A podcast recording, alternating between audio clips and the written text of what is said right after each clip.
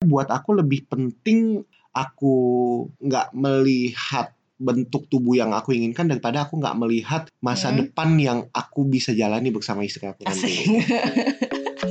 Gaya.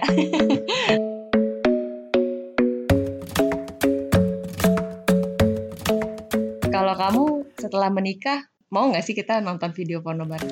Last night you were in my room, and now my bed sheets smell like you. Every day discovering something brand with your body. Oh, I, oh, I, oh, I, oh, I. Well, I'm in love with your body. Oh, I, oh, I, oh, I, oh, I. Alright. Welcome back to podcast. Mars Venus. Yeay, balik lagi setelah obrolan kita terakhir cukup banyak tanggapan kita ya Mm-mm. ngomongin soal seks dan ternyata cukup banyak juga nih yang ngerespon yang sejauh ini sih belum ada yang nggak setuju. Ada nggak sih yang kontak kamu bilang nggak setuju? Enggak sih. Enggak sih. Enggak tahu kan kok pasti Iya sih, diem iya sih, biasanya. Iya sih betul sih. Nah, but anyway, yes, sesuai janji kita kemarin, kita mau lanjutin lagi nih ngobrolin soal seks yang lebih dalam lagi. Iya. Kalau kemarin kita ngobrolin soal seks before marriage, Mm-mm. sekarang kita akan lebih banyak fokus ke seks After. after marriage. Tapi gimana ya? Mungkin ini hal-hal yang banyak orang mungkin ngobrolin secara tabu dan lain sebagainya. Tapi kita mau coba gali lebih dalam. Tujuannya apa sih? Tujuannya tuh sesimpel buat teman-teman yang sudah menikah, Mm-mm. terutama itu bisa relate Mm-mm. uh, dengan apa yang mungkin kita bicarakan. Kita bisa rethink atau memikirkan ulang Hmm, tentang hmm. seks itu sendiri. Buat teman-teman yang belum menikah dalam sesi pacaran atau mungkin belum ketemu pasangan yang akan Hmm, ketemu hmm. pasangan, juga teman-teman bisa ngelihat seks setelah pernikahan itu seperti apa sih? Bisa jadi gambaran, bisa jadi inspirasi, bisa jadi uh, apa ya? Pegangan. pegang- pegangan atas apa yang akan teman-teman hadapi nih ketika nanti dalam uh, masuk ke dalam jenjang pernikahan. Gitu kali ya. Iya, Beb, ya. betul. Jadi ini untuk semua pihak. Jadi uh, satu menit pertama nih uh, pahami dulu bahwa ini nggak cuma sekedar obrolan untuk kalian yang sudah menikah, tapi ja- Hmm. jauh sebelum menikah pun kalian juga harus dengerin ini karena uh, bisa menambah pemikiran kalian tentang seks itu setelah Iya. pernikahan akan seperti apa. Mm-mm. Aku mulai dari cerita dulu deh. Oke, cerita apa tuh? Uh, cerita dari ini sih apa? Cincin, Cie. Cincin setelah pernikahan. Jadi kan katanya banyak banget uh, dalam kehidupan ini dalam proses uh, hubungan itu ada berbagai macam ring, Beb. Cincin ring. Ya kan ada tuh pas kalau jadian kan nggak lama setelahnya pasti ada yang namanya Tunangan. tunangan. Kan ada ada cincinnya, Beb. Mm-mm. Ma- Makanya namanya engagement ring. Mm-mm. Dan selain engagement ring selalu janjinya adalah kita akan tukar engagement ring itu dengan Wedding ring. wedding ring. Ya setelah tunangan menikah itu punya wedding ring. Tapi setelah pernikahan, setelah sudah menghidupi kehidupan pernikahan sebenarnya ada ring ketiga beb. Apa tuh? Ya setelah engagement ring, wedding ring yang ketiga ini yang paling rumit yaitu setelah pernikahan namanya adalah suffering beb. Ore, ya ampun aku mikir apa sih kok suffering? Dia mikir Maknanya apa ya? katanya kok ngajak ya maknanya apa. katanya kan eh, setelah pernikahan begitu banyak yang dilepaskan dari kehidupannya Oh, kebebasan oke, di- dilepaskan Eh, semua janji-janji manis sudah tidak bisa diobrolin lagi jadi semua Hmm. harus buktiin Mm-mm. Ya. Kehidupan baru dimulai ketika pernikahannya selesai Hmm. suffering Kamu merasa suffering gak sih tapi? aduh gimana ya ya kalau pencandaannya sih iya tapi kalau aslinya bukan suffering sih lebih ke arah adaptasi yang tidak biasa Hmm. Contoh, eh, yang dari zaman aku single kan nggak harus setiap hari ketemu Mm-mm. ya. Sekarang harus setiap hari. Eh, dulu dulu mau pulang dari kantor bisa langsung ketemu teman-teman. Sekarang udah nggak Nah. bisa. Dulu keuangan tentang diri sendiri. Sekarang udah harus mikirin kamu. Hmm. Dulu tujuan keuangannya pendek-pendek nih. Sekarang udah harus mikirin tujuan keuangannya adalah untuk melahirkan lah, untuk uh, punya anak Hmm. lah, nanti kalau untuk liburan berdua dan lain sebagainya. Dulu ketika liburan eh, budgetnya untuk sendiri, sekarang bikin budgetnya untuk berdua. Banyak banget sih Beb adjustment-adjustment seperti itu. Nah, Hmm. beberapa teman-teman yang belum menikah, yang temenan sama aku nih ngerasa bahwa oh udah udah bikin janji sama lu tuh udah susah banget sekarang. Hmm. Ya nih semenjak menikah udah udah berubah udah beda ya bukan berubah atau beda sih emang seasonnya aja yang berubah Iya, gitu. iya. Nah itu diasosiasikan sama orang-orang yang belum menikah atau yang sudah menikah tapi nggak enjoy dengan kondisi seperti itu dibilang sebagai uh, memakai cincin yang ketiga beb. Oh itu suffering. Baiklah, sebenarnya itu cuma soal prioritas aja yang berubah ya. Exactly. Nah ini ngelits pada premis aku yang ini nih beb. Mm-mm. Semakin sering seorang suami istri itu menghabiskan waktu Mm-mm. bersama itu semakin baik hubungannya. Hmm. Dan ternyata itu mitos. Oh ya, terus? Yang sebenarnya terjadi adalah bukan seberapa banyak waktu yang dihabiskan, Mm-mm. tapi seberapa dalam kualitas hubungan yang dihasilkan itu menentukan seberapa erat atau seberapa intim hubungan kita. Oh. Nah, ini sangat berlaku untuk seks juga dalam kehidupan pernikahan. Hmm. Apalagi banyak banget yang eh, berekspektasi bahwa yes, gua married, gua akan melakukan hubungan seks setiap hari. Mm-mm. Is that true? Menurut kamu gimana tuh, Beb? Hmm, Enggak juga sih ya. Setiap hari. Gimana ya kalau setiap hari ya? Heeh. Jadi sangat perlu diatur nih ekspektasinya, eh, terutama buat teman-teman yang ngerasa bahwa yes, gua bentar lagi married dan gua bisa menikmati hubungan seks, that's true. Menikmati Mm-mm. hubungan seks titik di situ, that's true. Eh, secara wajar, secara benar, secara legal, that's true. Tapi kalau ditambahkan dengan setiap hari di belakangnya, it's question mark Hmm. gitu. Karena even awal-awal kita menikah pun, Mm-mm. apakah kita ngelakuin itu setiap hari? Ya mungkin awal-awal Eh. awal mungkin iya mungkin kan karena masih penasaran atau enggak ya masih zaman bulan madu gitu ya kan. masih zaman bulan madu Mm-mm. masih sesering itu ya. Mm-mm. Tapi kita udah akhirnya me- beradaptasi dengan apa waktu kita melakukan hubungan seks itu bulan-bulan keberapa ya? Bulan-bulan ketiga mungkin ya. Bulan Ah, kedua, lupa bulan aku. ketiga itu udah mulai beradaptasi artinya udah nggak setiap hari ya. Dan ketika nggak setiap hari pun perlu dipahami bahwa bukan berarti gairah seksnya menghilang atau Nah, berkurang. heeh, heeh. Enggak sama sekali. Nah ini makanya kita bahas ini tuh agak sedikit kontroversial ya sebenarnya. Banyak Hmm. banget yang eh, takut ngobrolin ini karena merasa bahwa obrolan ini tabu banget. Padahal buat kita tuh justru harus ada yang ngasih tahu sih, harus ada Hmm. yang apa ya, harus ada yang berani diskusi terbuka dulu mengenai ini. Karena kalau enggak ekspektasinya akan terlalu tinggi nih buat orang-orang yang baru menikah Mm-mm. itu banyak yang bilang harus seks setiap hari lah dan lain sebagainya ya mungkin di awal iya karena penasaran dan Hmm. karena euforianya tapi Hmm. at the end terutama buat cewek-cewek nih karena ini juga pernah terjadi sama Teca nih nanti kamu boleh cerita nih ketika eh, nggak sesering itu terus kamu merasanya seperti apa sih Beb? Oh, enggak sih, mungkin baper aja kali mau PMS kali ya. Hmm. Jadi kayak bukan baper. Bapaknya gimana Beb? Apa sih yang dirasain waktu itu? Jadi kayak misalnya Tadinya Kok- setiap hari bukan setiap hari Eh, sih. tadinya sesering Heeh, itu. Tadinya eh, tadinya kok sering gitu ya eh, ngajak atau gimana. Hmm. Tapi kok makin ke sini karena capek dari kantor atau gimana kok mulai jarang. Nah, Hmm. mungkin ada pikiran-pikiran negatif kalau oh apa udah bosen ya? Apa Hmm. emang udah sebegitu membosankannya kah? Apa emang udah nggak seru kah? Atau kalau untuk pikiran selingkuh sih aku nggak ada Hmm. kayak gitu-gitu. Tapi aku mikirnya apa udah jenuh dan padahal pernikahan kita akan berlangsung lebih lama daripada ini. Masa baru setahun setengahan aja udah jenuh gitu. Dulu aku mikir negatifnya begitu. Hmm, Nah dari sisi cowoknya Beb Mm-mm, ngerasa bahwa ya emang nggak lagi nggak mau aja gitu.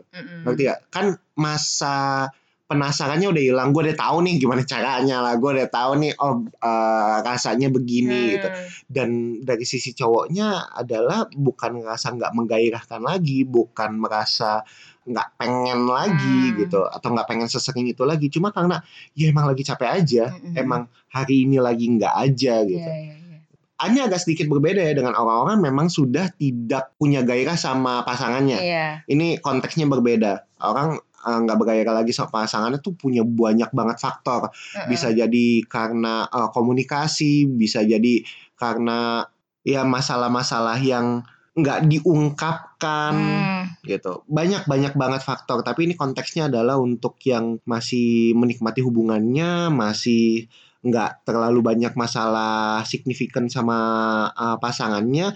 Hal-hal itu mungkin bisa terjadi karena emang lagi nggak mau aja. Ya sebenarnya nggak bisa dipaksain juga sih soal seks itu. Nah buat aku nih Mm-mm.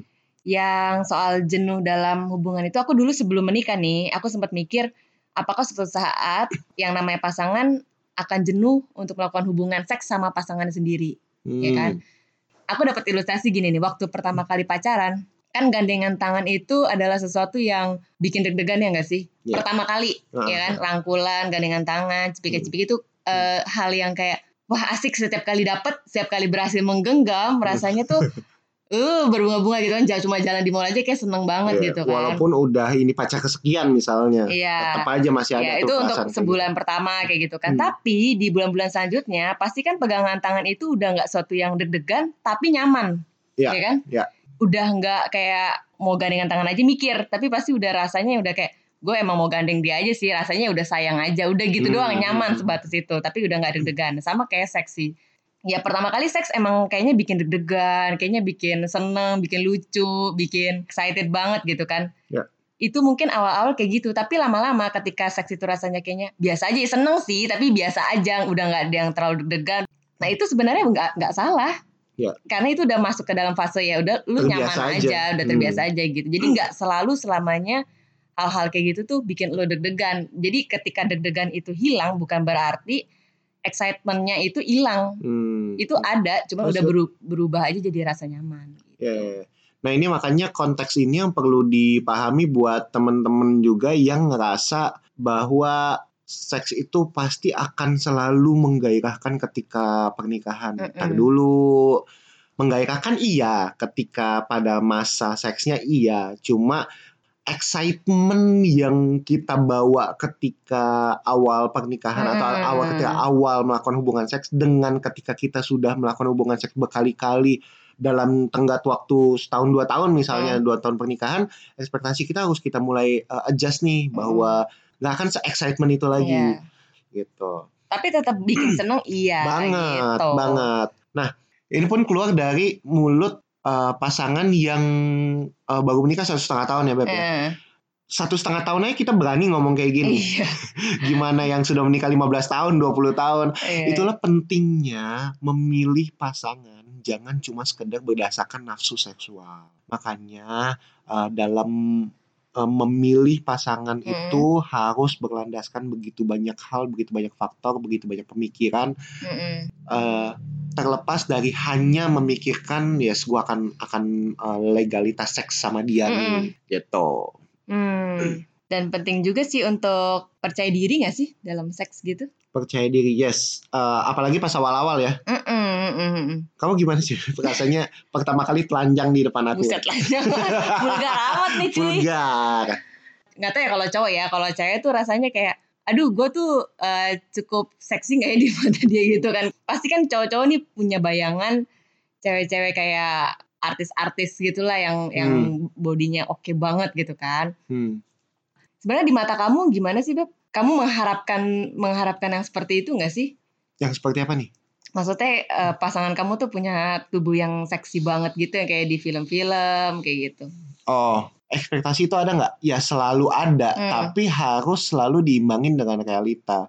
Artinya, eh kalau aku ya, dasar aku memilih bukan dari bentuk fisik Hmm. sebenarnya, tapi lebih ke arah kecocokan, kenyamanan, Mm-mm. kesamaan value, sama-sama bisa menjalani visi dalam hidup atau enggak buat aku itu yang jauh lebih penting Nah. daripada fisik. Hmm. Uh, tapi ketika kamu tanya, ada nggak sih pemikiran bahwa fisiknya tuh uh, harus seperti apa, seperti apa? Hmm. Ya ada, cuma harus di set banget ekspektasinya.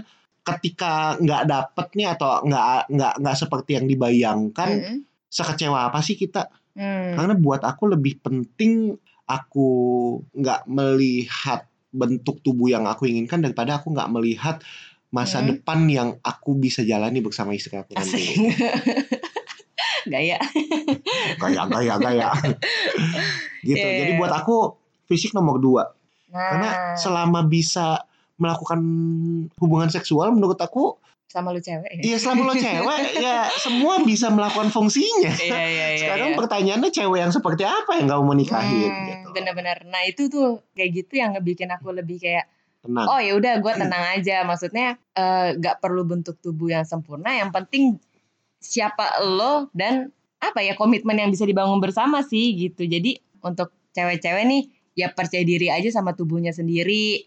Nggak perlu berusaha menjadi orang lain, nggak perlu ngiri sama tubuhnya orang lain. Bahagia aja karena semakin kita percaya diri kita semakin terlihat cantik nggak sih di mata banget. Dan daripada em, berusaha untuk membuat tubuh kita itu jadi yang paling baik, Mhm. lebih baik usahain karakter kita itu Nah. bisa menjadi yang lebih baik Mm-mm. untuk pasangan kita.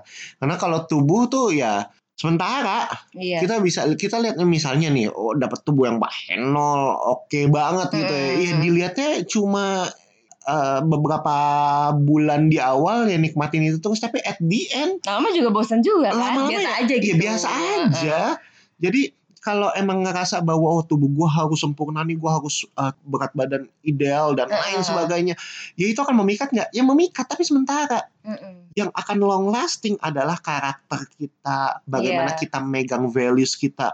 Buat aku ya, Mm. buat aku itu yang lebih lebih menarik sih. Ini Mm. nggak cuma buat cewek ya, Iya. juga buat cowok. Karena cowok juga ada yang harus six pack lah, yang harus bodinya Mm-mm, bagus mm-mm. lah, dan lain sebagainya. Buat Iya. aku yang lebih penting bukan sekedar tubuh kamu yang seperti apa, Mm-mm. tapi dalemannya Iya. kamu yang seperti apa di dalamnya karakternya valuesnya uh, Ah. bagaimana kita uh, pegang nilai-nilai kita pegang janji kita Mm. itu yang lebih menarik sebenarnya Nah itu di mata cowok begitu ya, maksudnya ternyata itu benar gitu. Mm-mm. Bahwa cantik di luar itu cuman sementara dan ya kayak ya ya you good lah kalau lo punya gitu kan. Cuman kalau yang lebih men- memikat untuk seumur hidup adalah apa yang dari dalam. Iya, iya. Gitu.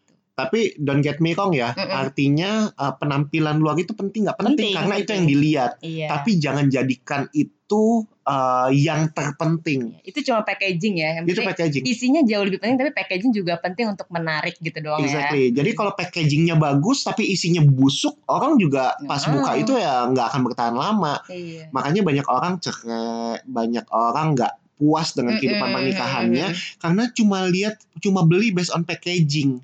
Packagingnya bagus banget, tapi pas udah nikahin, udah lihat kesehariannya dia every day, kemudian bilang kayak gini, aduh, aduh gue nyesel nih gue menikah sama dia. Nah itu tuh isinya. Iya. gitu. Packagingnya harus bagus nggak? Ya harus. Lo harus bisa tampil menarik, menarik, cowok cewek cowok lo harus tampil menarik.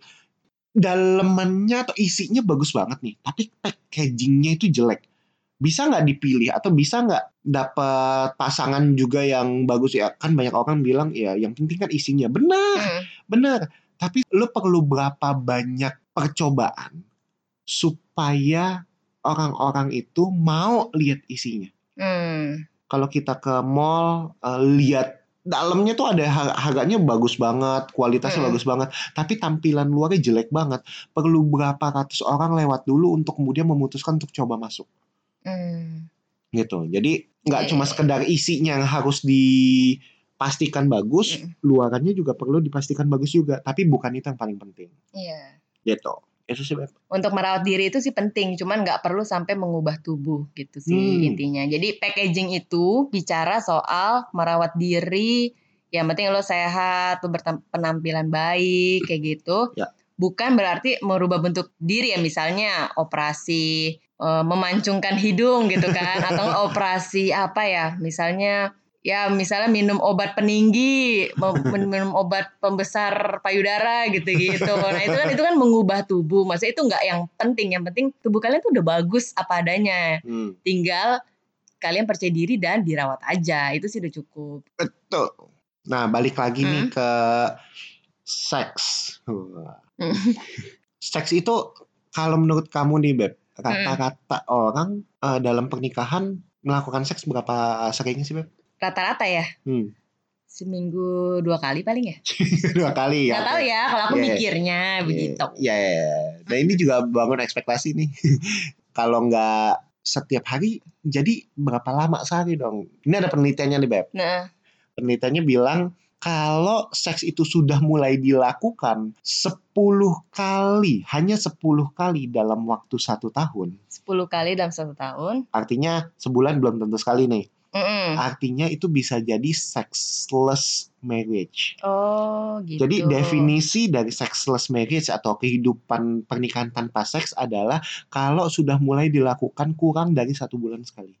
Mm. Makanya kata-katanya adalah 10 kali dalam satu tahun. Itu udah sudah sexless. dibilang sexless marriage. Mm-mm. Rata-rata Mm-mm.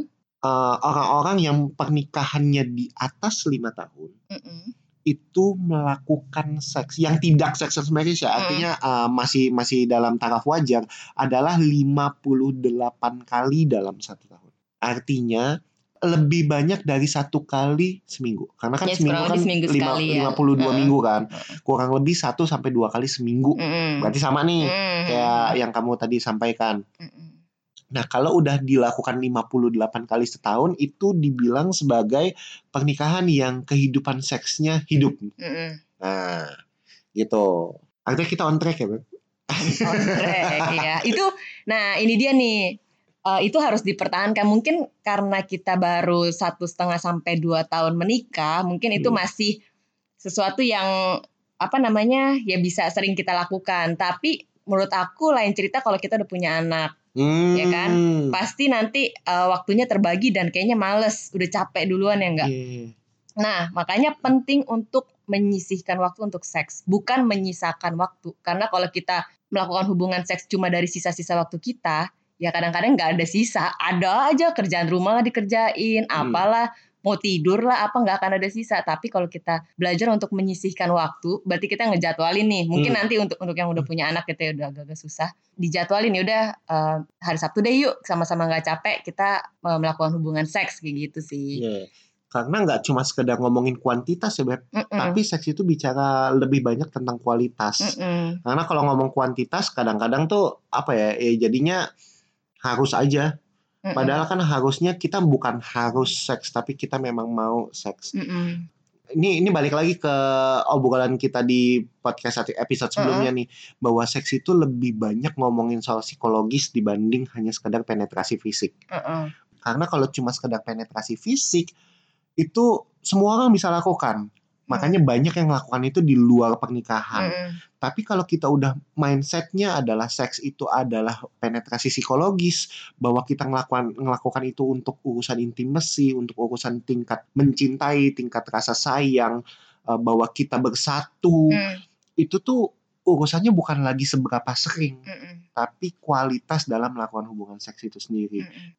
Tapi bukan berarti kuantitas itu nggak penting. Nah, mm-mm. Ya, Bukan berarti kuantitas nggak penting. Nah, aku pernah dapat pernyataan nih dari salah satu eh, dokter yang juga psikolog. Mm-mm. Dia bilang bahwa untuk membuat kehidupan seks lebih hidup, kita harus melakukannya lebih sering, Mm. tapi dengan kualitas yang baik. Maksudnya apa sih? Mm. Jangan cuma sekedar lagi pengen, lagi pengen makanya begituan gitu. Mm. Jangan cuma sekedar lagi pengen. Karena gini, kalau kita berdasarkan mood, kalau seks kita hanya berdasarkan mood, pasti akan jarang. Mm. Ya nggak sih? Mm-mm. Pernah ya kita Ya menghadapi ya iya kalau lagi nggak mood, terus kayak nggak mau dan sesering itu nggak moodnya ya Mm-mm. pasti akan jarang. Iya. Tapi inisiasi dulu, baru moodnya akan mengikuti. Mm. Itu akan membuat kehidupan seks lebih hidup. Karena nggak cuma sekedar kualitasnya kita jaga, tapi kuantitasnya juga kita pastikan nggak selambat itu atau atau ya hopefully bisa lebih sering daripada ah. biasanya gitu. Karena kuantitas dan kualitas itu kan selalu berpengaruh. Mm-mm. Tapi yang lebih berpengaruh atau yang lebih tinggi pengaruhnya mana? Kualitas. Gitu. Oh gitu. Nah, satu lagi nih Beb, yang paling Mm-mm. merusak hubungan seksual. Apa tuh? Selingkuh, bukan? itu Selingkuh itu iya. Tapi yang menurut aku ya, eh, kalau kehidupan menyenangkan seksual eh, di luar selingkuh ya selingkuh buat aku udah tidak menyenangkan Iyalah. lagi. Kehidupan menyenangkan seksual bisa dirusak dengan satu, Beb. ekspektasi yang salah terhadap kehidupan seksual. Nah, Mm. ekspektasi yang salah ini sering kali dibangun oleh pemikiran-pemikiran kita karena kita nonton film porno. Nggak tahu ya, aku nggak berani bilang bahwa nggak boleh nonton film porno itu karena preferensi masing-masing. Ya, tapi kalau dari kitanya pribadi, kita sangat eh, menjaga untuk enggak berdasarkan film-film tersebut ya Beb. Iya. Karena ekspektasinya akan sangat berbeda. Hmm. Apa yang merusak kehidupan seksual adalah ekspektasi kita bahwa kehidupan atau atau perilaku seksual kita akan sama seperti film-film. Padahal it's a totally a hundred percent berbeda. Mungkin kalau udah kebiasaan nonton film porno ya kita kan punya gambaran kalau yang namanya kepuasan tuh seperti itu. Yang Hmm. namanya seks menggairahkan adalah ketika ceweknya punya body bagus, ada suara-suara gimana, terus ditemani dengan musik, ditemani dengan Hmm. apa sih biasanya? Aku kurang ngerti deh ya. Gayanya ini Iya gayanya mungkin itu itulah. dengan apalah begitu kan. Terus di Nah, film bisa satu jam, satu setengah Nah iya jam. iya iya iya. Padahal kan pada kenyataannya itu kan film itu settingan ya. Itu dia bisa cut, bisa lanjut gitu kan. Kalau Hmm. angle-nya jelek atau suaranya kurang menarik, oke kita ulang lagi, ulang lagi kayak gitu. Tapi Hmm. sedangkan di dalam dunia nyata, kalau kita melakukan hubungan seks kan nggak bisa begitu ya, cut cut cut gitu. Kadang-kadang kita ekspektasinya kok nggak kayak di film, kok Hmm. kayaknya nggak asik. Oh berarti eh, cewek gue atau cowok gue kurang memuaskan nih. Kok gue nggak sampai Hmm. apa sih sebutnya orgasme ya? Hmm. Nggak sampai orgasme gitu ya. Nah, ya itu karena kita punya ekspektasi yang sebegitu tingginya yang sudah Yang disetting, ya, yang dibuat-buat sama tukang film. Jadinya kita kebiasaan bahwa wah kalau gue menikmati hubungan seks sekarang gue harus sampai kayak begitu Hmm. gitu.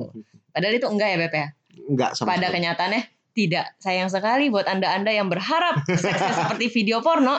Sayang sekali Ya. tidak. diatur ekspektasinya, diatur ulang ekspektasinya Mm-mm. karena it's totally different. Dan eh, ini juga yang perlu dipahami bahwa arousal cewek sama arousal cowok tuh beda. Hmm. Tingkat untuk sama-sama eh, nyampe ke puncaknya gitu loh, nyampe ke titik orgasme itu Ah. arousalnya tuh pasti beda. Cewek itu jauh lebih lama daripada cowok.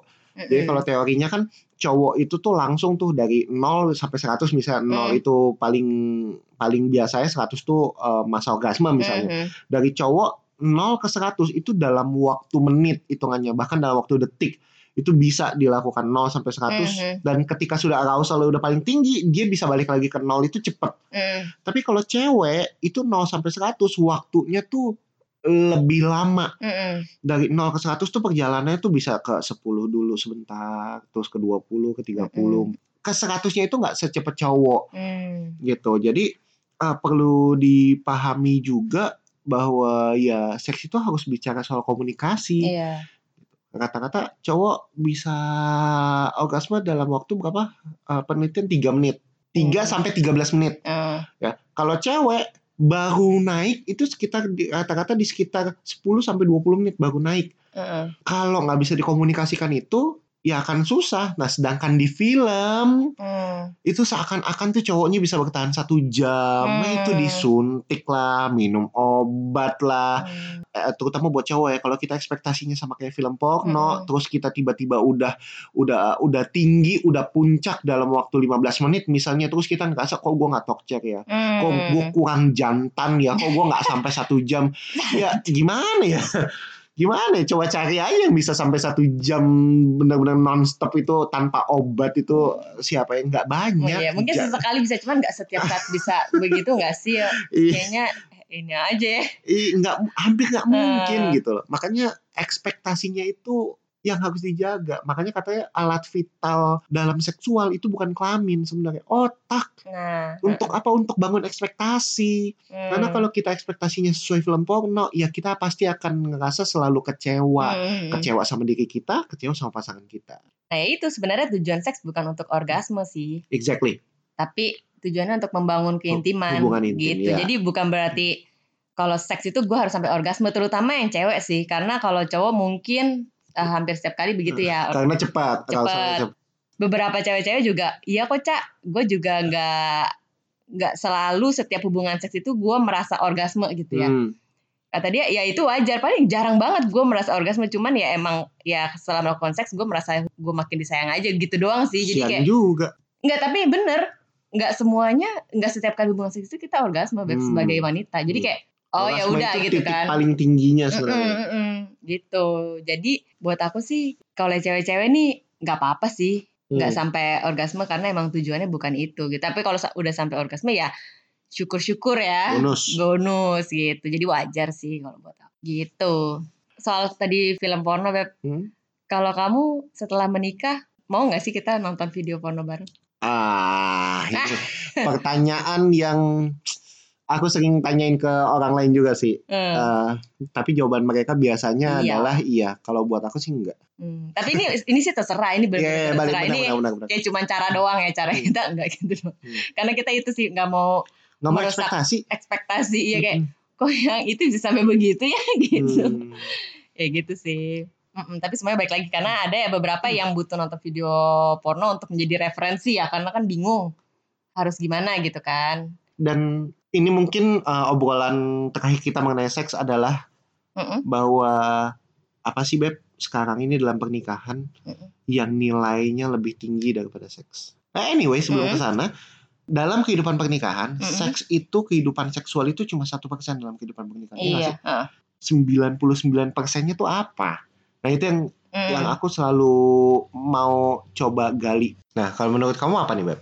Si Wah. 99 persennya? 99 persennya.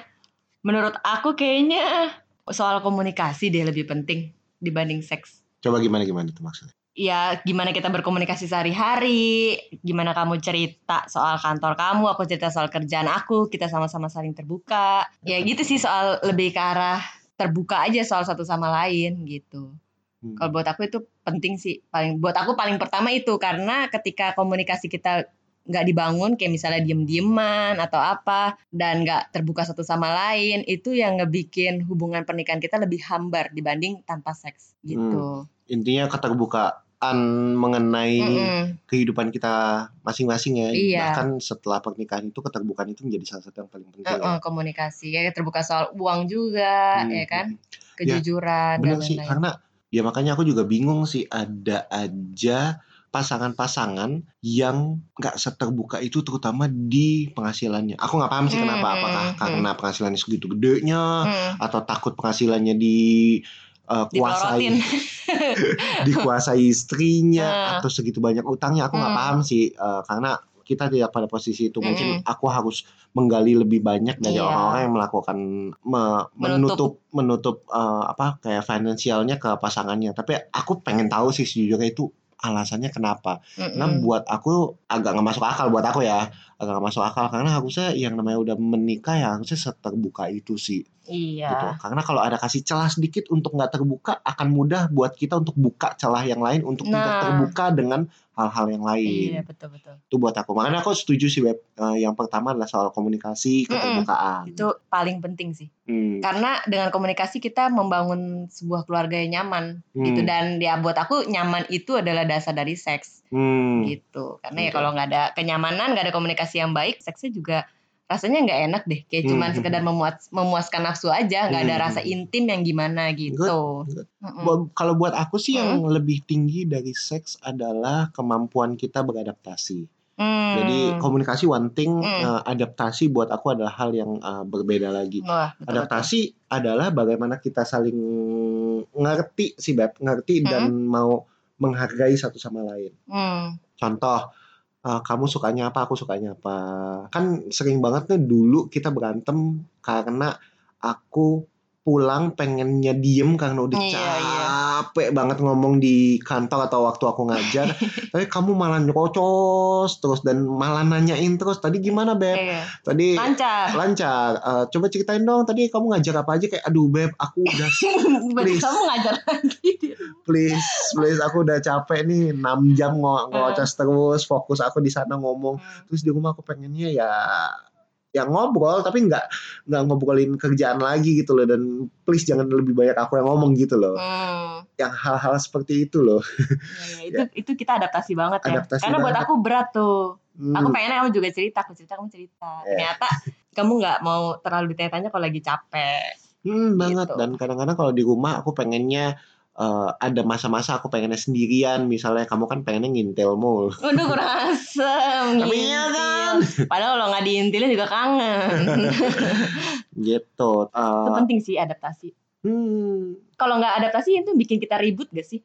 hmm, banget Nah kayak misalnya kayak soal kebersihan yang waktu itu kita, Oh, iya, kita bahas ya. iya, Itu kan kita perlu adaptasikan level kebersihan kamu tuh kayak gimana sih? Hmm. buat aku udah bersih menurut kamu masih kotor kayak Iya. gitu. Nah kita harus sama-sama adjust Dan itu untuk bisa mengurangi konflik. Betul. Dan adaptasinya pun bisa dilakukan ketika kita lagi berantem.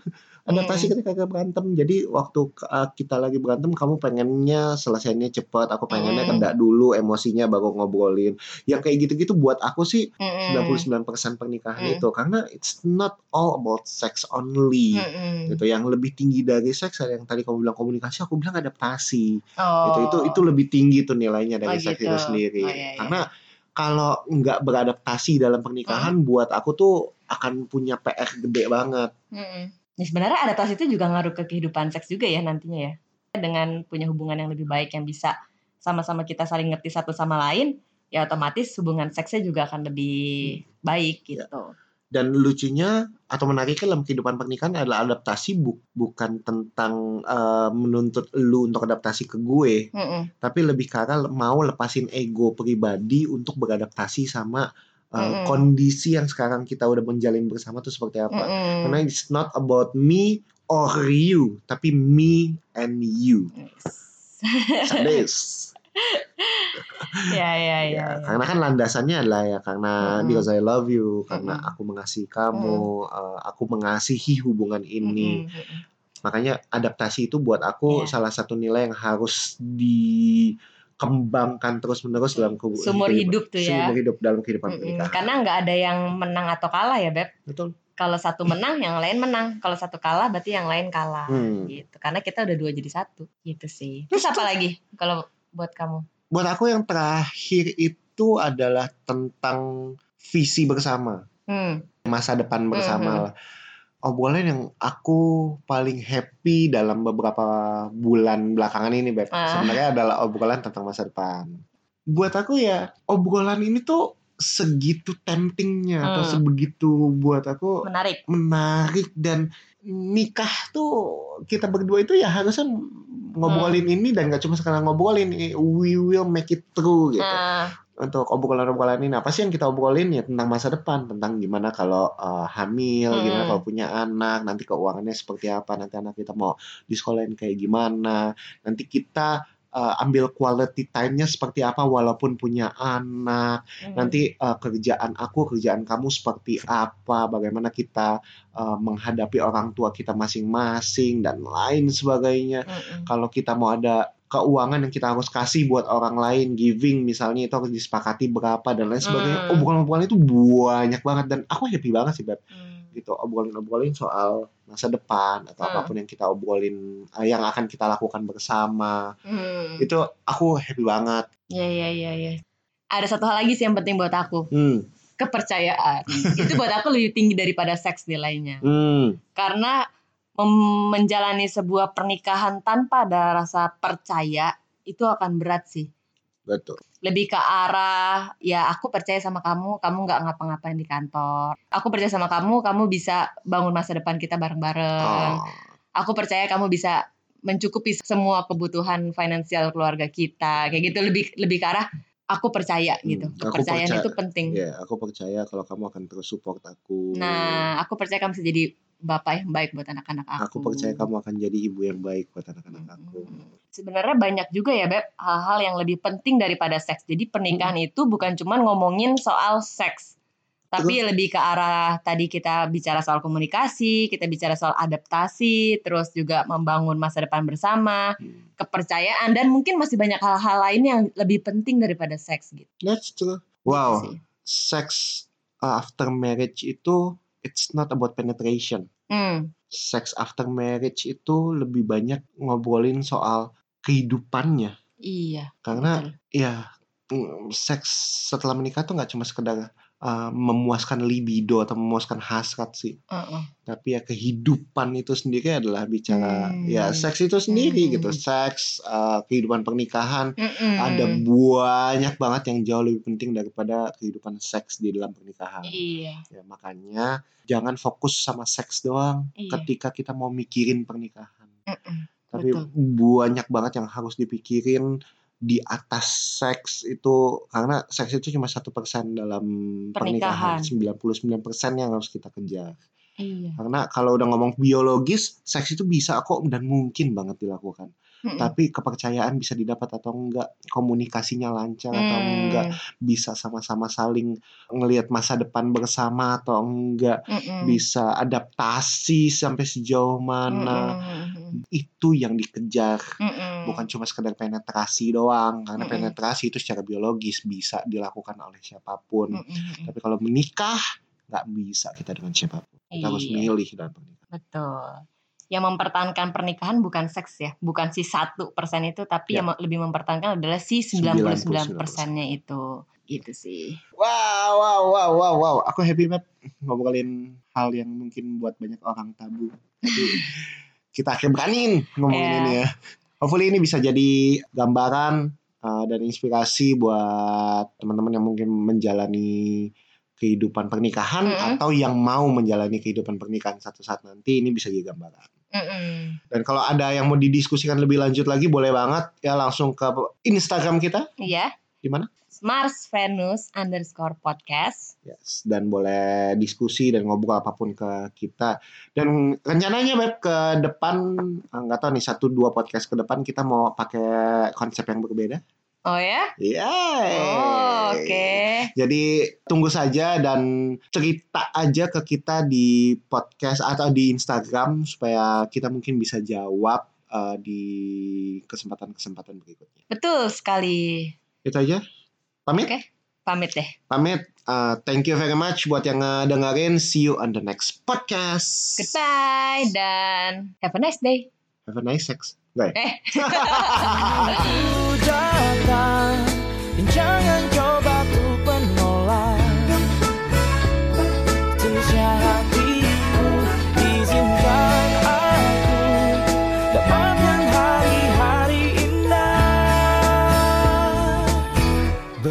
outside.